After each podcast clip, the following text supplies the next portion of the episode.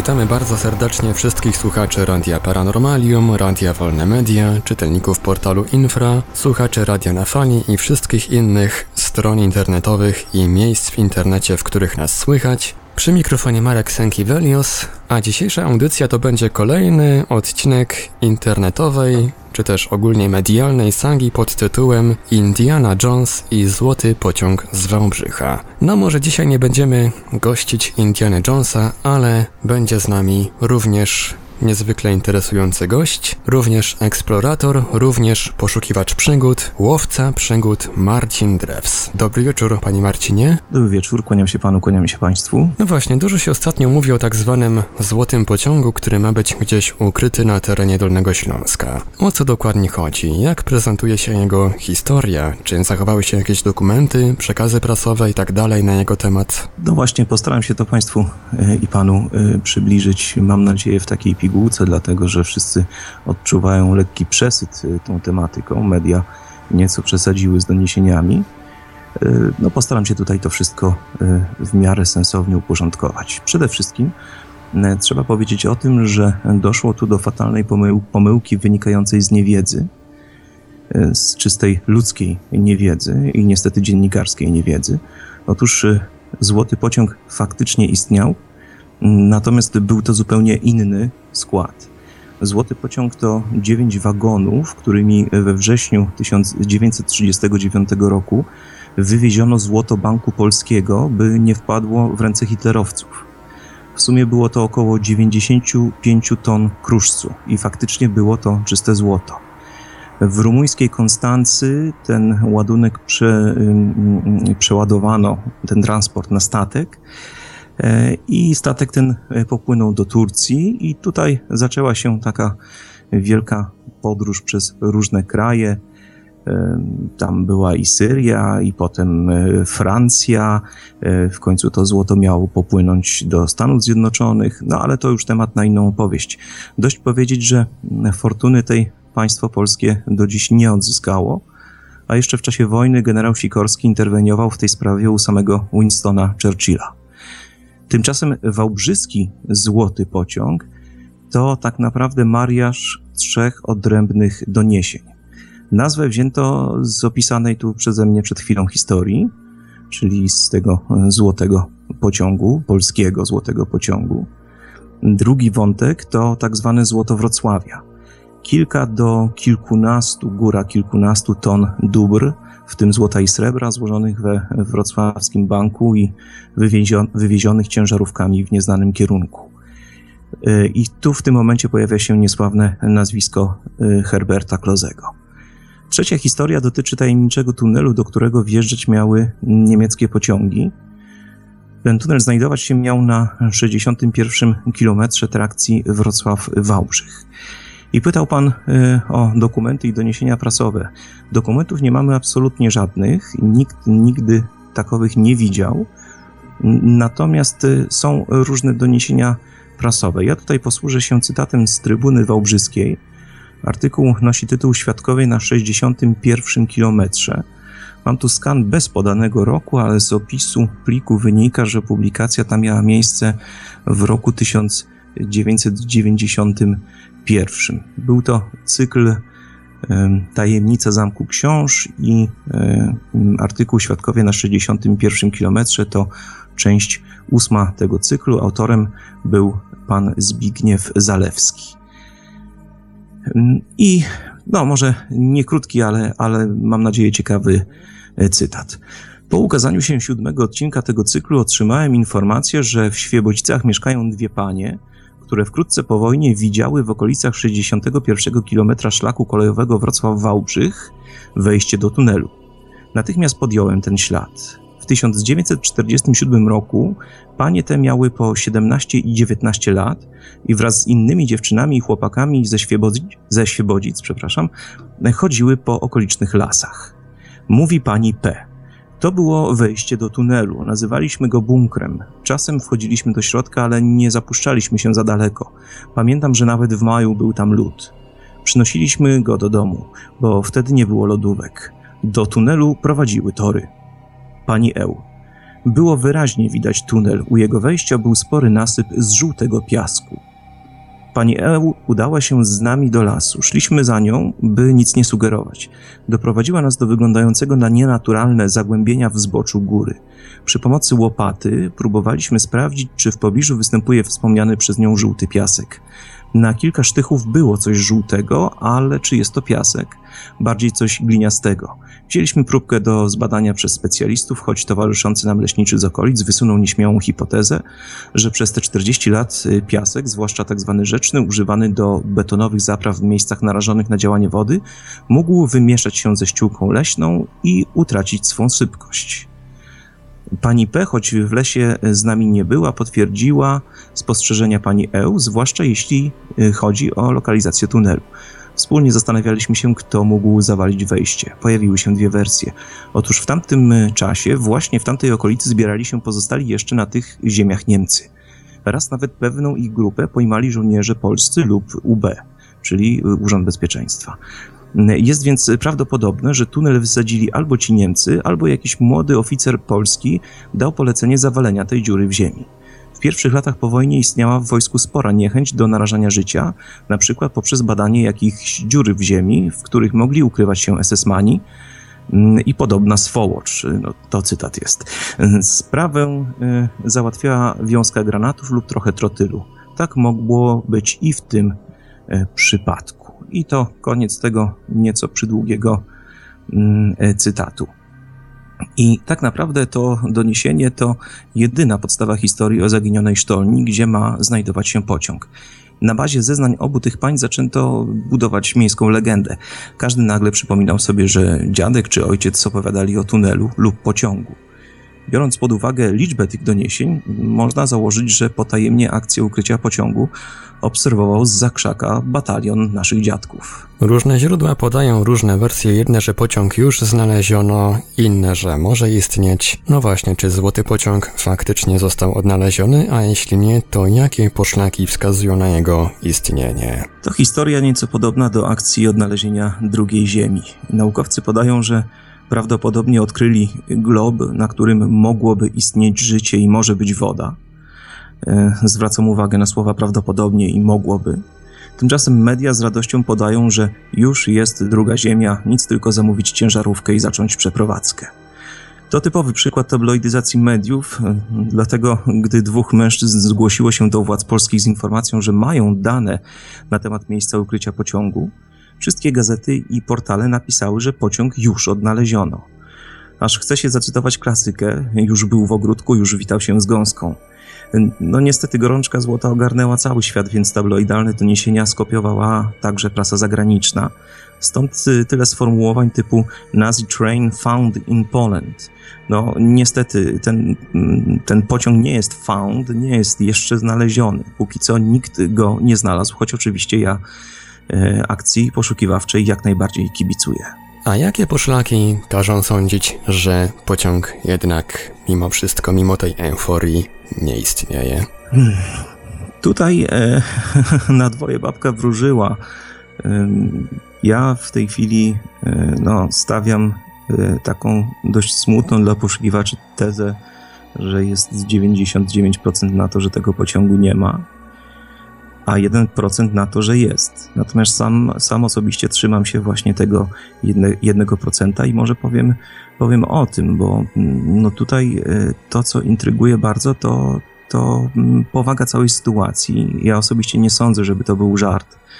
Gdyby ci panowie, którzy skontaktowali się z władzami poprzez kancelarię prawną, postanowili po prostu sobie zażartować, no to e, mówiąc językiem młodzieżowym, byłby to największy trolling świata ever. Mm, intrygujące też było oświadczenie generalnego konserwatora zabytków. Powiedział on przecież wprost, że, że widział zdjęcie z georadaru i że jest pewny istnienia pociągu na, na 99%. Y, no i tu nagle historia zaczyna się gmatwać i przyznam szczerze, że coraz bardziej przypomina klasyczny spisek. Y, tym bardziej, że władze miasta również żywiły przekonanie co do pociągu, a teraz nagle wszyscy wycofują się rakiem, mówią o plotkach i pomyłkach. No ale na miejsce wkracza wojsko. Także no, te najnowsze doniesienia, szczególnie mm, te, których autorami są, są urzędnicy, mogą wskazywać na to, że pociąg był tylko plotką i nie istnieje. Natomiast, no, jak powiedziałem, na dwoje babka wróżyła. W tej chwili mamy gro sprzecznych doniesień i ciężko powiedzieć. Ja mm, powiedziałem o tej takiej no, nie powiedziałem, że jest 50 na 50, powiedziałem, że, że daję 99% na to, że nie ma pociągu, ale robię to świadomie po to, żeby się potem nie rozczarować. Natomiast, jak wspomniałem, trzymam się tego 1% i osobiście e, wierzę, że coś tam jest. W każdej legendzie jest ziarno prawdy. A doskonale wiemy, że Niemcy przyciśnięci z dwóch stron w 1945 roku przez Amerykanów tutaj od zachodu i przez Rosjan od wschodu na Dolnym Śląsku musieli Y, no, w, w pośpiechu y, chować wszystkie kosztowności, wszystkie, wszystkie dobra. Tym bardziej, że liczyli, iż po zakończeniu wojny Dolny Śląsk pozostanie niemiecki i będą mogli tutaj wrócić po to wszystko. No, okazało się, że, że granice przebiegły na Odrze Inysie i e, w związku z tym no, te tereny trafiły już w granice Polskiej Rzeczpospolitej Ludowej i do dziś nie są niemieckie i nie będą niemieckie, w związku z czym no, te wszystkie zako zakopa zakopane, zachowa e, schowane, zakopane dobra no, muszą gdzieś tutaj być. A czy znana jest przynajmniej dokładna lokalizacja tego pociągu? Jeśli nie, to gdzie on się może znajdować? Dotychczas mówiono o 61 i 65 kilometrze trasy Wrocław-Wałbrzych. E, o 65 można spokojnie zapomnieć. Byłem tam e, w minioną sobotę. E, osobiście przyglądałem się tym terenom i widziałem, że wzniesienia są zbyt małe, by można w nich było wykuć sztolnię, która zmieściłaby pociąg, chyba że mówilibyśmy tutaj o jakiejś wąskotorówce, która zresztą też tam podobno w okolicach była. Natomiast nie przyglądałem się terenom przy 61 kilometrze. No, przyznam szczerze, że ja no, niewiele z geologią mam wspólnego, poza tym, że lubię zbierać kamienie. Więc nie chcę się po prostu wymądrzać, e, tak jak dziennikarze, którzy, e, którzy no, nie znają się, więc się wypowiadają na łamach naszych polskich e, ukochanych tabloidów. Ponoć faktycznie istnieją tam na 61 kilometrze ślady świadczące, że ukształtowanie terenu zostało zmienione czyli mógł być tam ten tunel, a potem mógł on zostać wysadzony i jeszcze dodatkowo zamaskowany. Jako jedno z możliwych miejsc ukrycia pociągu podaje się również kompleks Rize. To prawda, natomiast e, jakby to powiedzieli Anglicy, to taki long shot, e, no taki strzał w ciemno. Owszem, e, jest to oczywiście możliwe, natomiast nie mamy absolutnie żadnych poszlak, które kierowałyby nas w tamtą stronę, w stronę Rize. Jest więc to koncepcja właśnie na zasadzie strzelania w ciemno, a nóż się trafi. Na pewno jednak kompleks Rize skrywa jeszcze nie jedną tajemnicę, i może tam jest nawet kilka, kilka pociągów schowanych. E, wciąż nie odkryliśmy wszystkich sztolni, nie odkryliśmy przeznaczenia tego, tego kompleksu, więc tak naprawdę cała wielka przygoda jeszcze e, przed nami. No właśnie, mówił Pan przed chwilą, że tam może być również równie dobrze kilka pociągów ukrytych. No może rzeczywiście takich pociągów wyładowanych skarbami jest więcej. To całkiem możliwe. Niemcy stosowali, tutaj mówię o, oczywiście o, o tej akcji wywożenia i chowania e, wszelkich dóbr, e, Niemcy stosowali e, mocno posuniętą dywersyfikację. Nikt nie zaryzykowałby umieszczania wszystkich kosztowności i innych dóbr w jednym składzie. No tylko w Polsce się tak robi. No proszę spojrzeć na katastrofę smoleńską, zawsze powołuje się na ten przykład. Wszyscy najważniejsi ludzie w kraju pakują się do jednego samolotu. No to jest po prostu objaw głupoty, zarówno ze strony tych ludzi, jak i no, kogoś, kto do tego wszystkiego dopuścił. W przypadku niemieckich transportów y, no, nie, nie było miejsca na tego typu pomyłki. Tam logistyka była bezbłędna i nikt nie zaryzykowałby utraty wszystkiego. Zatem e, mamy do czynienia z, mm, z faktem, bo jest to e, fakt niezbity, iż e, transporty ruszały w różne strony i były ukrywane w różnych miejscach Więc no cóż, wiele jeszcze pozostaje do odkrycia. Pomówmy teraz o tym, co w złotym pociągu najwartościowsze i najbardziej pobudza wyobraźnię. Zawartość. Niektórzy twierdzą, że może być w nim ukryta nawet słynna bursztynowa komnata. Tak, tak, mówi się o tym ostatnio wiele. Mamy na Dolnym Śląsku pewnego słynnego w niektórych kręgach badacza i odkrywcę, który twierdzi, że pociąg od dawna jest eksplorowany przez pojedyncze osoby, bo ma istnieć do niego jakieś tajne przejście, dziura, szczelina w skale lub e, coś w tym guście. Podobno Czy to nie jest czasem tam... ten eksplorator, o którym właśnie teraz pomyślałem? może pan myśleć o, o, o, dwóch osobach, e, jeśli pyta pan o, o człowieka, który E, który, e, powiem tak, e, powinien leczyć się w zamknięciu, to nie ten. Natomiast, natomiast jest, tak, natomiast jest, jest pewien człowiek, który pojawia się na wszelkich możliwych imprezach, gdzie, gdzie referuje ten temat i, i opowiada bardzo dużo, natomiast ach, to, to jest osobna, osobna historia. No to powiem tak, on twierdzi, że, że z tego pociągu wydobyto już jajo Faberże. No, ja osobiście oglądałem kilka filmów tego pana na YouTubie i powiem, że no, ja tego nie kupuję. W jego teoriach jest e, chyba wszystko poza krasnoludkami. Myślę, że, że to tylko kwestia czasu. Krasnoludki zresztą byłyby bardzo dobre, żeby dostać się do, do, do pociągu, bo przecież przecisną się przez takie szczeliny, w które człowiek nie wejdzie, więc to byłoby idealne wytłumaczenie dla, dla wyniesienia już pewnych artefaktów stamtąd. To jest dziwny człowiek, to facet z charyzmą, e, dobry mówca. Ja nie przeczę, że, że no, ma swój styl, natomiast no, moim zdaniem jest to mitoman i fantasta, cierpiący, cierpiący na manię prześladowczą i wietrzący spiski nawet w szaletach miejskich. Mm, facet, facet no, podobnie jak, jak słynny pisarz Philip Dick, który, który zjadł więcej narkotyków niż chleba, no, ma jakieś, jakieś manie, twierdzi, że jest y, śledzony, podsłuchiwany, że gdzieś tam e, y, męczą go jakieś byty nieziemskie, które, które mu nie pozwalają ujawniać tajemnic, bo on oczywiście wszystko wie, gdzie jest A nie jest czasem otoczony i chroniony przez 666 SS-manów? tego, tego nie słyszałem, powiem szczerze. E, ale a czy, czyżby ktoś tak twierdził? Jeden prawdopodobnie z tych dwóch eksploratorów, o których mogę myśleć, tak twierdzi. Aha, no łacińskie przysłowie mówi nomina sunt odiosa, więc my tutaj nazwisk nie będziemy wymieniać, ale, ale myślę, że, że musimy e, któregoś razu tutaj no zbadać, co y, y, obaj wiemy na ten temat, bo być może to będzie y, świetny temat na, na kolejną rozmowę. Zweryfikujemy własne informacje i porozmawiamy sobie może o, o tych najbardziej szalonych teoriach spiskowych. W każdym razie ten pan, o którym myślę, bardzo często nagrywa vloga w, we wrocławskich restauracjach. E, nie wiem, czy to jest jakiś taki mniej czy bardziej wyraźny ślad, natomiast e, wiem, że, że linki do jego filmów e, niektórzy widzowie łowców przygód wklejają nam w komentarze na Facebooku, także no jest ten człowiek dość podobno popularny. Natomiast no, no mówi on o tym, że w pociągu jest bursztynowa komnata. Ale mało tego, ja wczoraj przeczytałem u innego jeszcze badacza, badacza oczywiście w cudzysłowie, w ogóle nie kojarzy człowieka i podpisywał się tylko pseudonimem, którego zresztą nie pamiętam, że poza bursztynową komnatą w pociągu są także dokumenty na temat y, współpracy hitlerowców z obcymi cywilizacjami oraz dane dotyczące wszechświatów równoległych. I o ile bardzo bym chciał, żeby takie dokumenty w ogóle istniały mm, i jestem e, e, no, zwolennikiem teorii mówiącej o wszechświatach równoległych, no to powiem tak, fajnie jest popuszczać wodze fantazji, tylko że to niczemu nie służy, za to staje się pożywką dla najbardziej szmatławych tytułów prasowych.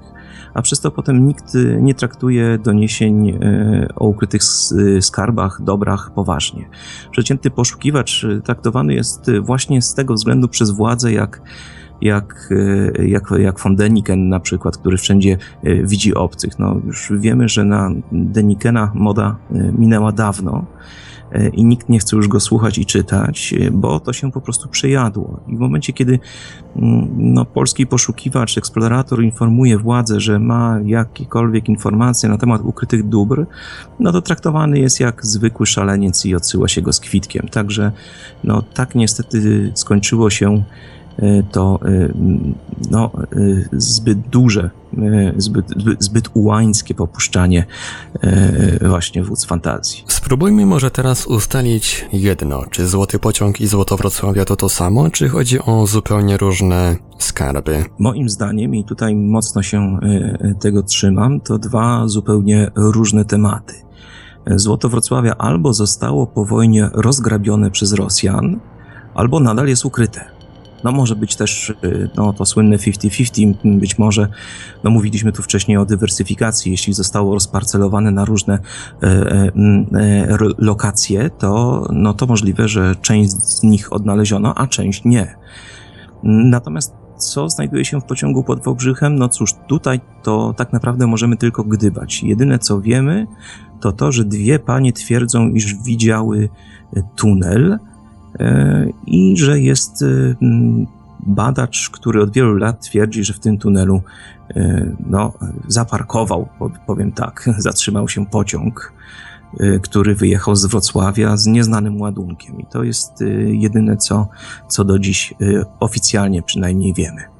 A co wiadomo o samym tym złocie Wrocławia? Gdzie ono może się znajdować, jeśli oczywiście istnieje? Czy chodzi o skarby, w sensie złoto, skradzione dzieła sztuki i tak dalej, czy też może o przedmioty wartościowe i istotne z innego powodu? W przypadku złota Wrocławia mm, typuje się kilka lokacji. Mm, to są sztolnie Góry Wielisławki, i to jest y, najbardziej y, prawdopodobna y, lokacja, ale o tym może powiem jeszcze później szerzej. Sztolnie masywu Ślęży, hipotetyczne, bo nieodkryte do dziś sztolnie Ostrzycy, czyli tego najsłynniejszego polskiego wulkanu zwanego śląską Fujiyamą oraz Biały Jar w Karkonoszach. Czyli wszystko to są lokacje dolnośląskie. Niektórzy twierdzą, że część tego skarbu y, y, to kosztowności zrabowane Żydom, Polakom i Rosjanom. Y, ja osobiście wierzę w tę drugą wersję, o której czytałem wielokrotnie, że chodzi tu o, o no, legalne depozyty niemieckie. W końcu tutaj y, y, kiedyś było państwo niemieckie przed wojną. Y, I jest to, była to legalna fortuna, na którą składało się złoto, srebro y, i wyroby jubilerskie, a być może i dzieła sztuki. I wszystko to było złożone w we Wrocławiu, y, w, zdaje się, że w komendzie y, policji, wcześniej to było w banku, potem w komendzie y, policji, stamtąd to wyruszyło różnymi konwojami w różne strony. Wspomniał Pan o sztolniach Góry Wielisławki. Czy może Pan coś więcej o tym powiedzieć? Góra Wielisławka mm, znana jest turystom, bo to no, niebanalny pomnik przyrody to, e, to góra, której bok zajmują tak zwane organy wielisławskie. To jest odkryta struktura słupów porfirowych, wulkanicznych. Przepiękna rzecz, jeśli ktoś jakimś cudem nie widział lub nie słyszał o organach wielisławskich, to zapraszam po po zakończeniu tej audycji mm, e, na łamy Google'a proszę wpisać organy wielisławskie, obejrzeć e, zdjęcia. Fascynujące miejsce, natomiast no, docenić je można e, tylko na żywo, gdyż zdjęcia nie pokazują tego ogromu. To, to wielka góra, w której były drążone sztolnie jeszcze przed I wojną światową. Tam znajdowały się jakieś kopalnie, nie wiemy do końca E, e, co tam wydobywano. Natomiast jest dość skomplikowany e, kompleks sztolni, który nigdy nie został odpowiednio zbadany i nigdy no, nie, nie, go nie skatalogowano. Tak bym to określił. W ogóle to, to dziwne i ciekawe wzgórze, czy wręcz góra. Na jej szczycie znajdują się pradawne ruiny, w zasadzie już same fundamenty jakiegoś dawnego zamku. I ogólnie miejsce jest przepiękne, także warto się tam wybrać i no, warto poszukać swojej przygody. Wielisławka mm, znajduje się, o ile dobrze pamiętam, kilka do kilkunastu kilometrów za Złotoryją. Jedzie się na miejscowość, która nazywa się Nowy Kościół.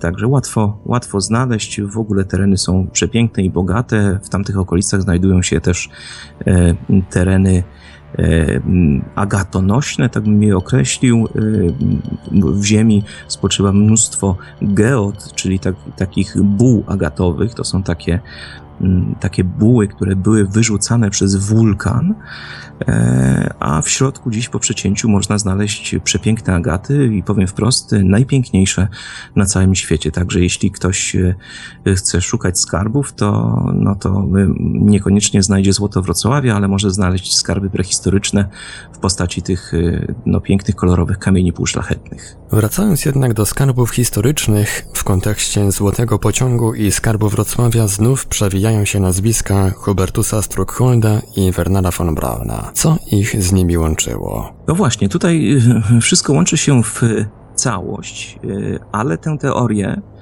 ja nie będę tego ukrywał, opieramy tylko i wyłącznie na logice. No ale logika jest potężnym narzędziem i potężnym fundamentem. Zresztą ja jestem wychowany na Sherlocku Holmesie i, i hołduję y, logice i wyobraźni. Ale do rzeczy. Struckhold i von Braun pracowali na Dolnym Śląsku nad technologiami rakietowymi. I o tym wiemy, to jest, to jest dowiedzione. Byli też związani z kompleksem Rize, z Zamkiem Książ, z podziemiami Szczawna Zdroju, mm, to są okolice Wałbrzycha, i z Zamkiem Czocha. To też są wszystko fakty. E, z kolei pod książem miał zostać wybudowany podziemny dworzec kolejowy dla Adolfa Hitlera. Tego nie udało się oczywiście udowodnić, e, e, udowodnić tego, że taki dworzec istnieje, natomiast budowanie takiego podziemnego dworca było standardową procedurą, jeśli chodzi o, o kwatery wodza III Rzeszy. Także nie ma tutaj w tym żadnej wybujałej fantazji. Jeśli natomiast faktycznie istnieje ten dworzec, to trasa do niego wiodłaby właśnie z 61 kilometra. A jeśli faktycznie to wszystko prawda, jeśli istnieje ten tunel z 61 kilometra wiodący do y, y, Zamku Książ, gdzie swoje nieludzkie eksperymenty y, przeprowadzał Struckhold, no to oznacza, że mm, E, ta spiskowa teoria e, mówiąca, że polski rząd ukrywa przed nami prawdę, tuszując wszystko działalnością Polskiej Akademii Nauk, która zamknęła przed nami drugi poziom podziemi książa, e, że ta spiskowa teoria jest prawdziwa. I to byłby szok, to byłoby odkrycie no, na miarę bursztynowej komnaty, bo może się okazać, że polski rząd, a przynajmniej pewne kręgi, E, doskonale wiedzą o tym, że jest ten dworzec, jest ten trzeci poziom, jest tam ukryty skład, z którego być może od lat e, no, pewni e, kluczowi działacze korzystają. Pamiętajmy, że po 1989 roku, kiedy zmienił się u nas system, nagle dawni kluczowi działacze Polskiej Zjednoczonej Partii Robotniczej zostali wielkimi biznesmenami, no skądś musieli wziąć te pieniądze i tutaj y, ja wiem, że to jest znowu strzał w ciemno, ale to się wszystko układa w, w, logiczną, w logiczną całość, a ta działalność Struckholda i von Brauna wskazywałaby, że no tam mm, jest jeszcze jakaś technologia, której mm, państwo polskie nie chce ujawniać. W historii Złotego Pociągu pojawia się jeszcze jeden człowiek, niejaki Herbert Klose. Kim on był? No właśnie, to nazwisko już, y, już padło, wspominałem o nim. Y, nie sposób y, pominąć tej postaci. Herbert Klose był kapitanem wrocławskiej policji, mówię tu o policji niemieckiej oczywiście, i prawdopodobnie członkiem Werwolfu. Po wojnie ukrywał się pod Złotoryją, korzystając z fałszywych dokumentów. Fakt, że mieszkał właśnie tam, może sugerować, że pilnował góry Wielisławki. E, bo Kloze nie wyjechał jak inni Niemcy, tylko ukrył mundur, ożenił się ze znajomą ze wsi Sędziszowa i zamieszkał właśnie u podnóży Wielisławki. Także to trochę za dużo jak na zwykły przypadek. E, miał tam pracować jako weterynarz. Podobno nawet y, miał fotokopię dokumentów, które wskazywałyby, że, że ma prawo wykonywać y, taki zawód. W 1953 roku Kloze został aresztowany przez funkcjonariuszy Urzędu Bezpieczeństwa i prawdopodobnie w czasie tortur y, ujawnił informacje o konwoju ze złotem Wrocławia. Do dziś jednak nie wiemy, czy mówił prawdę. Y, wiemy, że w czasie wojny Abwera mianowała go szefem grupy dywersyjno-sabotażowej na teren powiatu złotoryjskiego. Kloze był więc dobrze przygotowany w temacie technik dezinformacyjnych.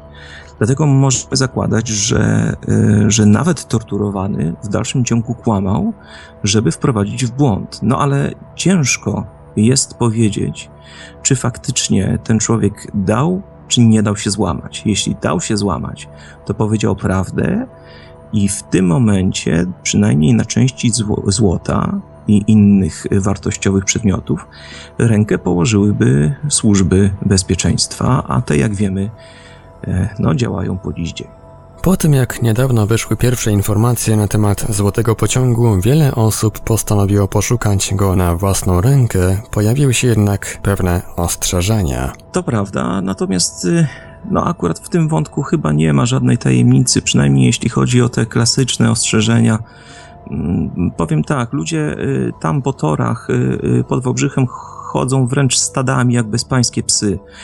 Y, to cud, że nikt jeszcze nie zginął pod kołami pociągu. Tam, tam dziadkowie z wnuczkami chodzą, rodzice z dziećmi, y, nastolatkowie z, z psami. Y, mało tego, tam się odbywają suto zakrapiane imprezy. Sam w sobotę natknąłem się dokładnie na 65 kilometrze na przynajmniej kilkanaście rozbitych butelek po piwie no ta gorączka złota odbiera ludziom rozum. Ktoś w końcu dokopie się do jakiejś miny i będzie tragedia. No dość powiedzieć, że, że, że któryś z lokalnych y, poszukiwaczy podpalił ostatnio las na 61 kilometrze. Nic więc dziwnego, że władze ostrzegają przed poszukiwaniami na własną rękę, bo po prostu no, robi się nieprzyjemnie i niebezpiecznie, a prędzej czy później jakiś urząd będzie musiał za to wziąć odpowiedzialność. Także jeśli chodzi o te standardowe ostrzeżenia, to tutaj nie szukałbym żadnego spisku, aczkolwiek nie twierdzę, że takowego nie ma. No właśnie, pojawia się pewien wątek spiskowy, czy też spiskogenny, że tak powiem, bo znów trudno nie odnieść wrażenia, że komuś zależy na ukryciu prawdy o złotym pociągu. Nie dalej bowiem jak wczoraj gruchnęła wieść, że terenu będzie pilnowało wojsko. Może komuś zależy na tym, żeby pociąg nie został znaleziony. No właśnie, tutaj taki zabawny wątek. Gdyby zapytał mnie pan o to dwa tygodnie temu, odpowiedziałbym, że to kompletna bzdura, że nie ma żadnego spisku i że wszyscy działają zgodnie, e, by ten pociąg odnaleźć. Natomiast dzisiaj e, sądzę już zupełnie inaczej. Mam, mam zupełnie inne zapatrywania na, e, na całą tę sytuację. Szczerze mówiąc, zaczynam sam osobiście w ten spisek wierzyć. E, a jestem człowiekiem małej wiary. Dlatego no, warto by zapytać, co takiego się stało, że, że zaczynam, zaczynam być zwolennikiem teorii spiskowej. Otóż zastanawia mnie przede wszystkim bardzo e, e, sztuczny zwrot w polityce władz. No to, to jest zwrot o 180 stopni. Od zachwytu po milczenie i wykręty. Weźmy na chwilę wspomnianą już spiskową teorię dotyczącą Polskiej Akademii Nauk. Bardzo możliwe, że generalny konserwator zabytków y, i y, wiceminister w jednej osobie nie był poinformowany, że służby bezpieczeństwa od dawna wiedzą o trzecim poziomie podziemi pod Wałbrzychem i o ukrytym składzie. Radośnie więc y, wyćwierkał, że ten pociąg istnieje, a zaraz potem został odwiedzony przez kilku panów, którzy mu wytłumaczyli, że powiedział za dużo. Z ostatnich doniesień wynika, że otrzymał on zakaz publicznego wypowiadania się w temacie. E, także sprawa no, zaczyna poważnie śmierdzieć. E, I muszę powiedzieć, że mm, mm, no, obecność wojska e, jest no, kolejną cegłą w, w fundamencie tej całej teorii spiskowej. Przeszłości zdarzało się już, że ktoś zgłosił znalezienie jakiegoś skarbu, powiedzmy złotego pociągu na przykład, a potem nagle się z tego wycofywał. To zgłoszenie, o którym właśnie dyskutujemy, to jest chyba pierwszy przypadek, że ktoś w ogóle pofatygował się, żeby zgłosić sprawę formalnie. Tak jest. Też, też jestem przekonany, że to y, pierwsza taka historia. Nie, w każdym razie nie przypominam sobie innych y, podobnych przypadków. Natomiast, y, no cóż, no dlaczego, dlaczego ludzie się wycofują? Myślę, że za każdym razem taki szczęściarz odwiedzany jest przez delegację, powiem to w cudzysłowie, wyraźnym, mocnym, grubym, tłustym cudzysłowie, przez delegację ludzi dobrej woli, którzy mu tłumaczą, że sięga po nie swoje. I nie mówię tu wcale o mafii, a o grupie znacznie groźniejszej, czyli właśnie o służbach bezpieczeństwa. No i na koniec tego wątku takie pytanie, co dla Dolnego Śląska oraz samego Wałbrzycha zmienia sprawa Złotego Pociągu? Co zmieniłoby jego ewentualne odnalezienie i pokazanie światu? Sam pociąg, nawet pusty, byłby wielkim odkryciem. Mógłby wiele wnieść do podręczników historii, i poszerzyć naszą wiedzę o II wojnie światowej. My wciąż y, bardzo mało wiemy na temat tego, co działo się na Dolnym Śląsku, a najgorsze jest to, że więcej od nas wiedzą Amerykanie, Anglicy i Rosjanie, natomiast my niestety na na to, że podzielą się wiedzą, liczyć nie możemy. E, to bardzo krzywdzą, krzywdzące, krzywdzące, przepraszam, to bardzo krzywdzące, bo mm, no, alianci wiedzą e, na przykład wiele o kompleksie Rize i byłoby bardzo miło, gdyby w końcu nas poinformowali o czymkolwiek, co związane jest z tą tajemniczą budowlą. No niestety nie chcą się taką wiedzą dzielić. Wracając do samego pociągu, no byłby zabytkiem bezcennym. Y, to wpłynęłoby z kolei na renesans dolnośląskiej turystyki. Oczywiście ta turystyka nie ma się źle, ale mogłaby się mieć znacznie lepiej. Y, wszyscy kojarzą y, Wałbrzych tylko ze stereotypów. Mówi się o tym mieście jako mieście pijaków i biedaszybów a jest to bardzo krzywdzące. Wałbrzych jest naprawdę pięknym miastem, zresztą w ciągu ostatnich lat bardzo się zmienił i wraca do tego wizerunku miasta przedwojennego, które było przepiękne. No a okolice Wałbrzycha z kolei to jeden z najbardziej atrakcyjnych turystycznie obszarów w Polsce. I nie ma w tym stwierdzeniu grama przesady. Tylko, że niestety nikt o tym nie wie. Dlatego y, postanowiłem, że łowcy przygód będą działać na rzecz zmiany wizerunku tego obszaru i tego miasta. Chcemy pokazać, ile tajemnic, przygód i atrakcji kryje się w Wałbrzychu i w jego okolicach. I chcemy o tym mówić nie tylko w Polsce, ale i za granicą. Y, miałem już okazję mm, kilkukrotnie oprowadzać wycieczki holenderskie, oczywiście robimy to pro publico bono. Mm, to są nasi przyjaciele, którzy fotografują namiętnie wszystko, co na Dolnym Śląsku się znajduje. Są pod wielkim wrażeniem e, i przepięknych ekologicznych terenów, e, nieprzebranych lasów i tych wszystkich e, mrocznych e, zabytków e, kultury industrialnej, jak bunkry, sztolnie, podziemia, opuszczone kopalnie. Dolny Śląsk i okolice Jeleniej Góry czy Wałbrzycha to przecież słynna kraina zamków, pałaców, ogrodów i wulkanów. Niestety wskazuje się zawsze tylko i wyłącznie na Jelenią Górę, natomiast y, Wałbrzych tu powinien jak najbardziej partycypować. Także ja życzę so, sobie i innym e, i całej Rzeczpospolitej, żeby ten pociąg y, jednak został odnaleziony, bo w tym momencie no, to złoto się pojawi. Oczywiście mm, nie będzie to złoto Wrocławia, natomiast y, no, będą to dolary i euro, które będą tutaj spływać strumieniami pozwalając na, na zwiększenie e, stopy życiowej mieszkańców Dolnego Śląska. Turystyka to potężne narzędzie. Wie o tym e, na przykład taki kraj jak Nowa Zelandia, który, który zarobił jakieś e, no, potworne miliony dolarów na, na historiach związanych z, z Władcą Pierścieni.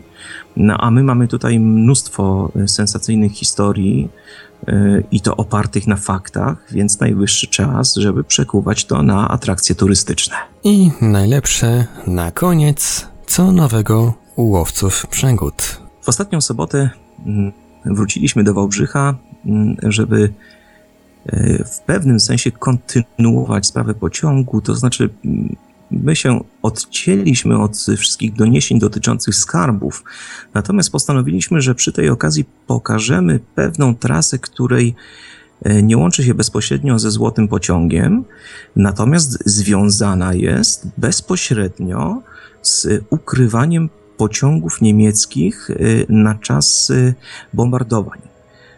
Otóż przeszliśmy się z kamerami dwoma najdłuższymi tunelami y, kolejowymi w Polsce. To są y, niesamowite y, trasy, to są tunele wykute w masywie góry Mały Wołowiec.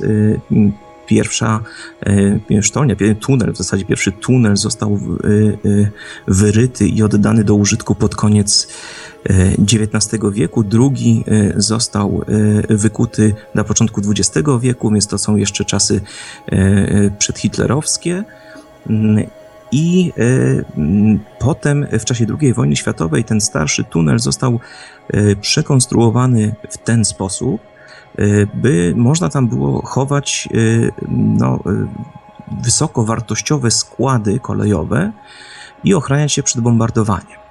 E, oczywiście no, przeszliśmy tymi tunelami, tam złotego pociągu nie ma, e, co nie zmienia faktu, że w ścianach tego tunelu poszukiwacze amatorzy wciąż ryją i to jest bardzo niepokojące, bo po pierwsze niszczą przepiękny zabytek, a po drugie kiedyś, e, powiem ordynarnie, kiedyś się komuś to w końcu na durny łeb zwali i będzie tragedia. Wolałbym osobiście tego uniknąć, a już szczególnie jeśli chodzi o moją własną głowę. Myślę, że, że to są zabytki, które powinny być otwarte. Jeden z nich, bo, bo przez drugi pociągi wciąż jeżdżą, ale ten starszy tunel już jest pozbawiony torów i powinien być atrakcją turystyczną. E, powinien być też wyposażony w system monitoringu, żeby no, pogonić tych wszystkich, wszystkich, którzy niszczą ten tunel. My się tym tunelem przeszliśmy, opowiedzieliśmy troszeczkę o tajemnicy sztolni, które są w Małym Wołowcu. To też jest niesamowita historia. Otóż są tam do dziś niezbadane sztolnie, które eksplorowały dwie grupy poszukiwaczy. W obu tych grupach znajdują się jakieś tam autorytety naukowe, z akcentem na jakieś tam, bo bardzo często są to ludzie, którzy sami sobie przypisują pewne tytuły. Natomiast niesamowita jest historia interakcji między tymi grupami, bo są to grupy, które się e, wzajemnie od lat zwalczają. E, jedna oskarża drugą o wszystko, co najgorsze. Jedna podobno w, w, napadła na drugą, ludzie w kominiarkach, e, ukrywając swe twarze, napadli na, na tę drugą grupę. Z kolei ta druga grupa przez tę pierwszą e, jest oskarżana o zniszczenie tej sztolni. I taka wojna w internecie, najpierw w mediach niszowych, czyli no, między innymi w takim miesięczniku, który chyba powinien być znany słuchaczom Radia Paranormalium, mam tu na myśli miesięcznik Odkrywca. W tym miesięczniku ta wojna się toczyła, toczy się teraz w internecie. E, I jest to dość, dość smutne, ale no, w pewnym sensie też, też zabawne, chociaż to raczej taki czarny humor. Mm, no, wskazuje to chyba przede wszystkim na, na nieudolność aparatu państwowego. E, gdyby tych eksploratorów e, wziąć za rękę, pomóc im dofinansować, e, e, przyznać im e, jakiegoś twardogłowego profesora plus opiekę, nadzór geologiczny, no to razem można byłoby wiele odkryć. Niestety no, państwo nie jest tym zainteresowane, patrzy na tych od, odkrywców jak na idiotów, natomiast ci odkrywcy sami się zachowują jak idioci plując na siebie nawzajem publicznie i no to, to nie wróży dobrze polskiemu procederowi odkrywania e, tych e, fascynujących historii.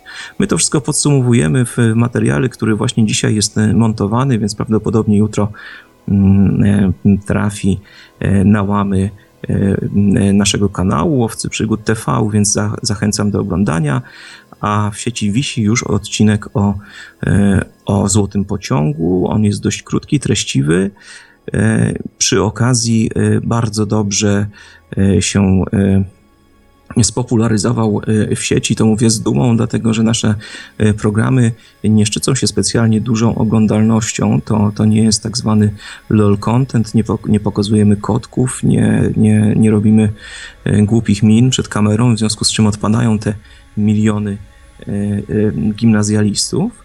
Natomiast no, 17 tysięcy y, obejrzeń w tydzień to jest y, no, dla łowców przygód wynik bardzo dobry i ja się z tego bardzo cieszę. Wskazuje to na to, że, e, no, że jesteśmy coraz bardziej doceniani i dostaliśmy wiele maili, w których y, dziękowano nam za to, e, no, że uczciwie podchodzimy do tematu, a nie odcinamy kuponów jak y, nasze polskie tabloidy. No staramy się y, uczciwie zawsze działać. Powiem więcej, zawsze działamy uczciwie. Na pewno nie jesteśmy wolni od błędów i na pewno zdarzają się nam pomyłki. Także i w tym materiale pomyliłem się o cały rok, z czego się śmieję, już tego nie zmieniałem.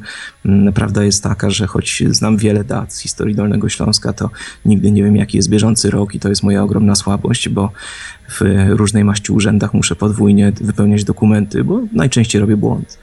Żyję poza kalendarzem. E, no, mm, na swoje usprawiedliwienie mogę powiedzieć, że wiedza Sherlocka Holmesa też była e, bardzo szeroka, natomiast w pewnych, e, w pewnych miejscach fragmentaryczna i zawsze się tym przykładem zasłaniam, mm, żeby się wytłumaczyć z własnych błędów. No nie robi błędów tylko ten, kto nic nie robi, natomiast faktycznie e, no, mm, staramy się jak najlepiej przygotowywać do tego. E, nie opowiadamy e, wyssanych z palca historii, a jeśli mówimy o teoriach spiskowych, to w, w takim kontekście, że one są, Natomiast nie przychylamy się do żadnej z nich. No dzisiaj to zrobiłem po raz pierwszy, bo naprawdę wiele wskazuje na to, że że ktoś ten pociąg chce ukryć, a to z kolei wskazuje na to, że ten pociąg faktycznie jest. Ale to pierwszy taki przypadek, y, natomiast w łowcach przygód y, raczej zajmujemy się tylko i wyłącznie niezbitymi faktami i to się oczywiście nie zmieni, co oczywiście nie znaczy, że nie będziemy informować o tym, co sądzą inni. I tak trzymać, mówię to jako również widz łowców przygód, a ostatnio również jako lektor, słychać mnie właśnie w odcinku Dokładnie tak, o, dokładnie. o Złotym Pociągu. To był kolejny świetny, bardzo konkretny wywiad z Marcinem Drewsem z Łowców Przygód. Dziękuję panu jeszcze raz, panie Marcinie. Ja również dziękuję. Bardzo się cieszę, że, że jestem e, regularnie obecny w Państwa domach, e, w Państwa słuchawkach czy głośnikach. Mam tylko jedną ogromną prośbę. Jeśli e, uznacie Państwo, że zaczynam nudzić, czy za dużo mnie jest w Radio Paranormalium, proszę śmiało pisać do mnie. Ja się nie obrażę. Myślę, że Pan Marek też się nie obrazi. Staramy się obaj wyszukiwać jak najciekawsze tematy, natomiast myślę, że obaj jesteśmy otwarci na wszelkie propozycje i sugestie, także Y, no, y, nic na siłę. Mam nadzieję, że, że no jesteśmy tutaj obaj ciekawi, że, że udaje nam się wyciągnąć to, co Państwo y, no, chcecie poznać. I będziemy tutaj się starać o to, żeby takich tematów było więcej. Ale tak jak mówię, wszelkie uwagi i sugestie mile widziane. Mm, e, może poza e, wulgaryzmami trafił mi się ostatnio jeden mail. E, mm, to jest temat, który pan Marek zna i który znam ja, natomiast nie będziemy go wyciągać na światło dzienne. Dość powiedzieć, że że no, w grupie y, tysiąca słuchaczy zawsze musi znaleźć się czarna owca, która nie przebiera w słowach. Y, natomiast jeśli ktoś y, rzuca przysłowiowym mięsem, to znaczy, że nie ma już żadnych argumentów i tej wersji się trzymamy, bo jest to wersja jedyna prawdziwa. No na razie z sygnałów, jakie dochodzą od słuchaczy, wynika, że słuchacze chcą pana coraz więcej i więcej i więcej. Także niech się pan spodziewa jeszcze wielu, wielu zaproszeń do Radia Paranormalium. A dzisiaj już kończymy powolutku. To był wywiad z Marcinem Drebsem. Zachęcamy również do słuchania poprzednich wywiadów w archiwum Radia Paranormalium na www.paranormalium.pl, a także do śledzenia na bieżąco i zasubskrybowania oraz dawania łapek w górę, jeśli się podoba, łowców przygód na YouTube. Zachęcamy również do śledzenia na bieżąco strony łowców przygód, łowcyprzygód.tv, bo tam zawsze znajdziecie to, czego eksploratorowi, ale również pasjonatowi tych tematów do szczęścia potrzeba. Ja tylko dodam, że mm, bo mówiłem, że można się z nami kontaktować, jest formularz na stronie, ale gdyby ktoś chciał pisać na konkretny adres mailowy, to podaję ten adres komunikacja małpa łowcyprzygód.tv to jest mail specjalnie stworzony właśnie dla słuchaczy Radia Paranormalium, dlatego że po pierwszej naszej wspólnej audycji y, tak y, y, mój kolega Mateusz Stan i ja postanowiliśmy chcemy, żeby słuchacze mieli z nami kontakt i mogą do nas pisać w każdej możliwej sprawie. Odpowiadamy na każdy mail, to się do dziś nie zmieniło. Radio Paranormalium, paranormalny głos w Twoim domu. Dziękujemy bardzo serdecznie za uwagę i zapraszamy do śledzenia newsów na stronie Radia Paranormalium, bo tam zawsze dowiecie się jako pierwsi, kiedy wyemitujemy kolejny wywiad z łowcą przygód z Marcinem Drewsem.